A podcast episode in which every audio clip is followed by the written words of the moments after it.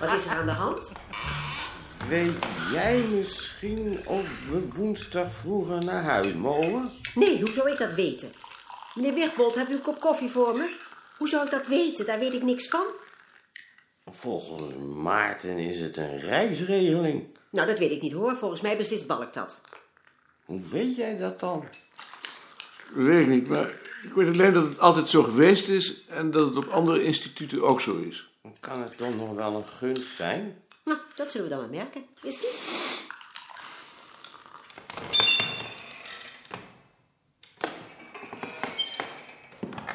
Hij had het land, niet alleen omdat hij zich samen met Rentjes tegen Balk had gekeerd, maar vooral omdat hij zich daardoor kwetsbaar had gemaakt.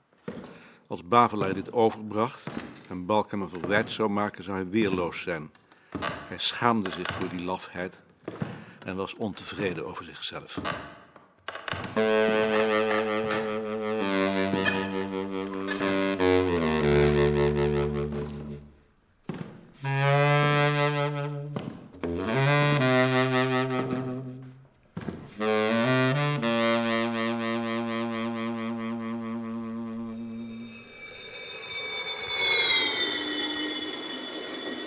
Nog iets te bespreken?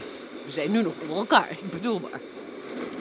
Zal ik een korte samenvatting geven van wat er het afgelopen jaar gebeurd is? Ja, vooral kort.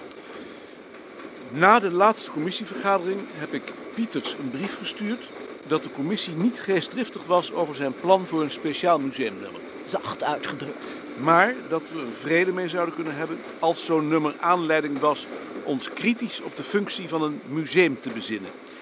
Ik heb hem toen in een volgende brief een lijst met vragen en adressen van een aantal museumdirecteuren toegezonden. En wat is daarvan terechtgekomen? Niets. Zoals te verwachten. Behalve dan toch dat er een artikel van mij in het nummer staat. Natuurlijk, jij hebt je best gedaan. Gelukkig. Maar niet over die vragen. Ja, dat is mij ook niet gevraagd. En ik vond het niet op mijn weg liggen om dat in mijn eentje te doen. In dit geval zou ik dat ook niet gedaan hebben. Van jou heeft Pieters het gelukkig niet gevraagd. Pieters kent mijn beperktheden. En in dit geval kwam jou dat wel goed uit. Dat komt mij altijd goed uit, want ik ken mijn beperktheden ook. En dat siert je dan ook. Ga ver. Vervolgens verscheen in het juli-nummer de eerste aflevering van een artikel van Sinningen. Of all people. Dat was in strijd met de afspraak dat wij beslissen over de artikelen van Nederlandse auteurs. En Sinningen is helaas een Nederlander. En dat over vervolgartikelen vooraf overlegd zou worden. Ja, Pieters een overleg. Daar heeft Anton op gereageerd. Ik heb inderdaad geschreven dat dat geen pas gaf. Maar daar was hij niet gevoelig voor. Ja, tot mijn verbazing was hij daar dit keer wel gevoelig voor. Pieters is soepeler dan men wel eens Hier, denkt. hier. Om zijn goede wil te tonen heeft hij ons toen een artikel van een Vlaming ter beoordeling toegestuurd. En? Dat hebben we afgewezen. Ja, ik wil maar zeggen. We vonden het geen goed artikel. Nee, dat had ik al begrepen. Wat was dat voor artikel? Over de Brabantse dagen. Daar kan ik me toch wel een interessant artikel over voorstellen. Dit was niet interessant. En nu? Pieters heeft toen op zijn beurt een artikel dat wij hadden aangenomen verworpen. Een artikel van mevrouw Piebenga. Het karakter van een roman te krijgen. Als koning zich ermee bemoeit, wordt het altijd een roman. Ik heb hem geschreven dat dat niet kon. En het laatste is dat hij zich daarbij heeft neergelegd. Niet te geloven. En wat kunnen we nu nog doen? Ik bedoel maar. Zeg jij het mij? Ik vind dat wij in ieder geval de verantwoordelijkheid moeten hebben voor de Nederlandse bijdrage. En eigenlijk zouden we ook vooraf inzage moeten hebben in de Vlaamse kopij. Al denk ik niet dat we daarmee wat opschieten. Ben je niet bang dat dat aanleiding zal zijn tot eindeloze meningsverschillen? Gezien wat er nu al gebeurd is? Dat zit erin. Dan ben ik er wat mij betreft niet voor om daar een punt van te maken. In ieder geval geen vetorecht. Ben je het daarmee eens, Anton? Daar ben ik het mee eens. Goedemorgen. Plaatskaartjes alstublieft. Ik mis Matsen. En Appel. Die zijn verhinderd. Het dochtertje van Matsen ligt in het ziekenhuis. En Appel had vandaag college. U hebt mij al gehad. U heb ik ook gehad.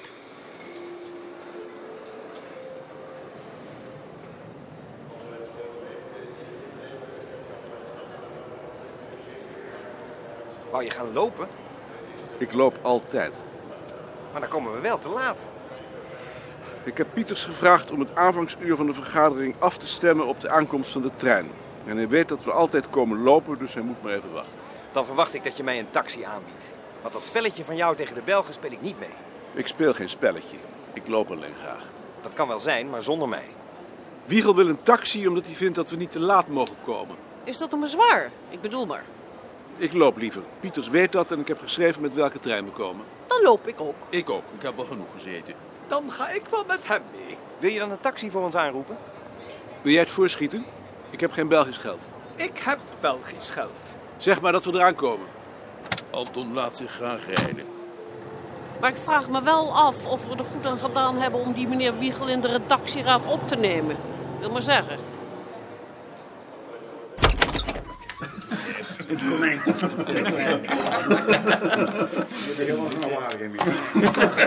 Meneer de voorzitter, vergun mij dat ik voor het begin van de vergadering een enkel woord tot u persoonlijk richt. Goed. Ik weet dat ik u daar eigenlijk geen plezier mee doe. U houdt er niet van om voor het voetlicht gehaald te worden. U bent een bescheiden man. Maar u zult er toch ook begrip voor moeten hebben dat uw vrienden, en ik beschouw het als een voorrecht dat ik mijzelf daartoe mag rekenen, wanneer daar aanleiding voor is, uitdrukking geven aan hun vriendschap en bewondering. Die aanleiding is er nu. Over enkele dagen zult u de leeftijd der sterken bereiken. Het is u niet aan te zien.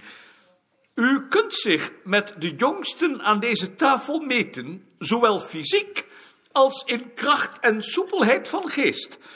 En wij hopen dat dat nog heel lang het geval mag zijn. Maar niettemin zult ook u het feit op zich niet kunnen ontkennen, al hebt u er geen ruchtbaarheid aan willen geven. Zeer juist. Dat u dat niet hebt willen doen, tekent u ten voeten uit. Wat voor u vanzelfsprekend is, is voor ons bijzonder. Functies die stuk voor stuk een heel leven zouden kunnen vullen, verricht u moeiteloos tegelijkertijd.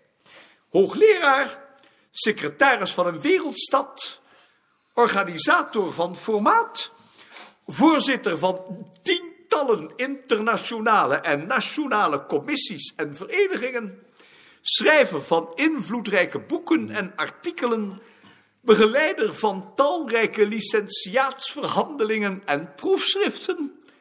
Welk epitheton ornans moet men voor zo iemand bedenken? De minste toch dat hij over meer dan gewone kwaliteiten beschikt. Vandaar dat wij uit de noordelijke helft van ons taalgebied u veel dank verschuldigd zijn en dat ik met nadruk de wens uitspreek dat we u nog vele jaren in ons midden mogen houden in het belang van de wetenschap die ons allen zo ter harte gaat. Bravo. Heer, heer. Meneer Beerta, het zal u niet ontgaan zijn dat gij mij met uw vriendelijke woorden ontroerd hebt. Gij hebt mij meer gegeven dan mij toekomt. En als gij stelt dat ik daar niet op gerekend had, hebt gij gelijk. Maar ik heb er toch enigszins rekening mee gehouden. Zoals mag blijken uit de glaasjes die u naast uw kopjes hebt aangetroffen. En die onze vriend de Bouquet nu voor u gaat vullen. Daar is hij al.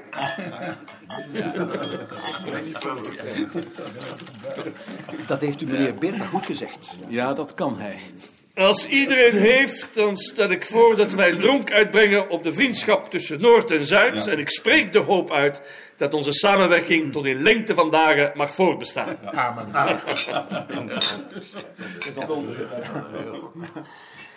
Dan open ik nu voor de tweede keer de vergadering. Eh, voor hoe laat heb jij de tafel besproken, de Bouquet? Voor tegen half twee. Ah, dan rest ons nog een klein half uur. We zullen zien hoe ver we komen. We hebben vandaag een aantal zaken te bespreken. Ten eerste verneemt de redactie graag het oordeel van de Raad over de nummers van ons tijdschrift die sinds de vorige vergadering verschenen zijn. Te weten nummer 4 van jaargang 1972 en de nummers 1 tot en met 3 van jaargang 1973. Vervolgens hebben wij van gedachten te wisselen over de verdeling van de bevoegdheden tussen de Nederlandse en Vlaamse redacteuren. Dit naar aanleiding van enkele verschillen van inzicht die zich het afgelopen jaar hebben voorgedaan. Als derde punt is daar een voorstel van de heer Wiegel voor een ingrijpende wijziging van de literatuurinformatie. En ten vierde is er nog een voorstel van de Vlaamse redactie om de boekbesprekingen drastisch te bekorten en te beperken tot het laatste nummer van iedere jaargang. Heeft iemand van u daar nog iets aan toe te voegen? Nee, ik kan mijn opmerkingen wel kwijt onder een van deze punten. Mag ik dan van u als eerste uw oordeel over ons tijdschrift? Dat wil ik wel geven, al weet ik niet of dat nu wel zo bijzonder interessant is. Voor ons is het zeker interessant. Wees u daarvan overtuigd. Eh, Ik heb eigenlijk geen bijzondere opmerkingen. Ik, ik vind de inhoud gevarieerd.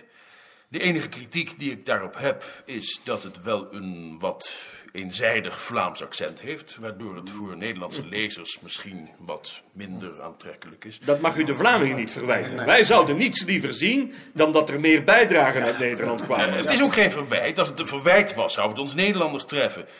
Misschien zijn wij te geremd of te bescheiden. hè. Nou, Als dat zo is, moeten wij dat kwijt zien te raken. Dat geldt dan toch niet voor u. In deze jaargang alleen staan twee artikelen van uw hand. En zonder u te willen vleien, van een uitzonderlijke kwaliteit. Dat zal men zeker met mij eens zijn. Zeker. Men mag geruststellen dat de artikelen van professor Buitenrust Hettema en van professor Pieters ons tijdschrift internationale allure geven. Maar toch moet ik een drempel overstappen als ik iets aan ons tijdschrift wil aanbieden. Misschien dat het anderen ook zo vergaat. En waar ligt dat dan aan?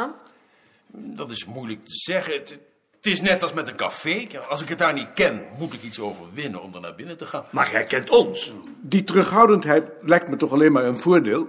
Publiceren heeft toch alleen zin als je iets te vertellen hebt? Ik meen dat professor Buitenrust Hettema bedoelt dat sommige mensen daarin te bescheiden zijn. En ik bedoel dat sommige mensen anderen tyranniseren met hun eis tot publiceren. Liever een dun tijdschrift met kwaliteit dan een dik met kletspraat. Van kletspraat is hier toch geen sprake? Ik ben daarentegen van mening dat ons tijdschrift de vergelijking met de belangrijkste buitenlandse tijdschriften met glans kan doorstaan. Dat is ook mijn mening en ik maak mij sterk dat onze vriend Koning daar niet anders over denkt. Dat weet ik niet. Laat mij dan u van deze zijde feliciteren met uw museumnummer. Ik ben van mening dat de redactie daarvoor niet genoeg lof kan worden toegezwaaid. Dat ben ik volledig met u eens. Ik beschouw het als een voorbeeld voor toekomstige themanummers. Zo denk ik er ook over. Waarom heb je ons niet van tevoren gezegd dat je dat ging voorstellen? Ik dacht dat ik à titre personeel in de redactieraad benoemd was. En niet als werknemer van het bureau. Maar het werk komt wel op mij af. Dat is jouw probleem. Ik ben hier voor de belangen van het tijdschrift. En niet voor die van jou.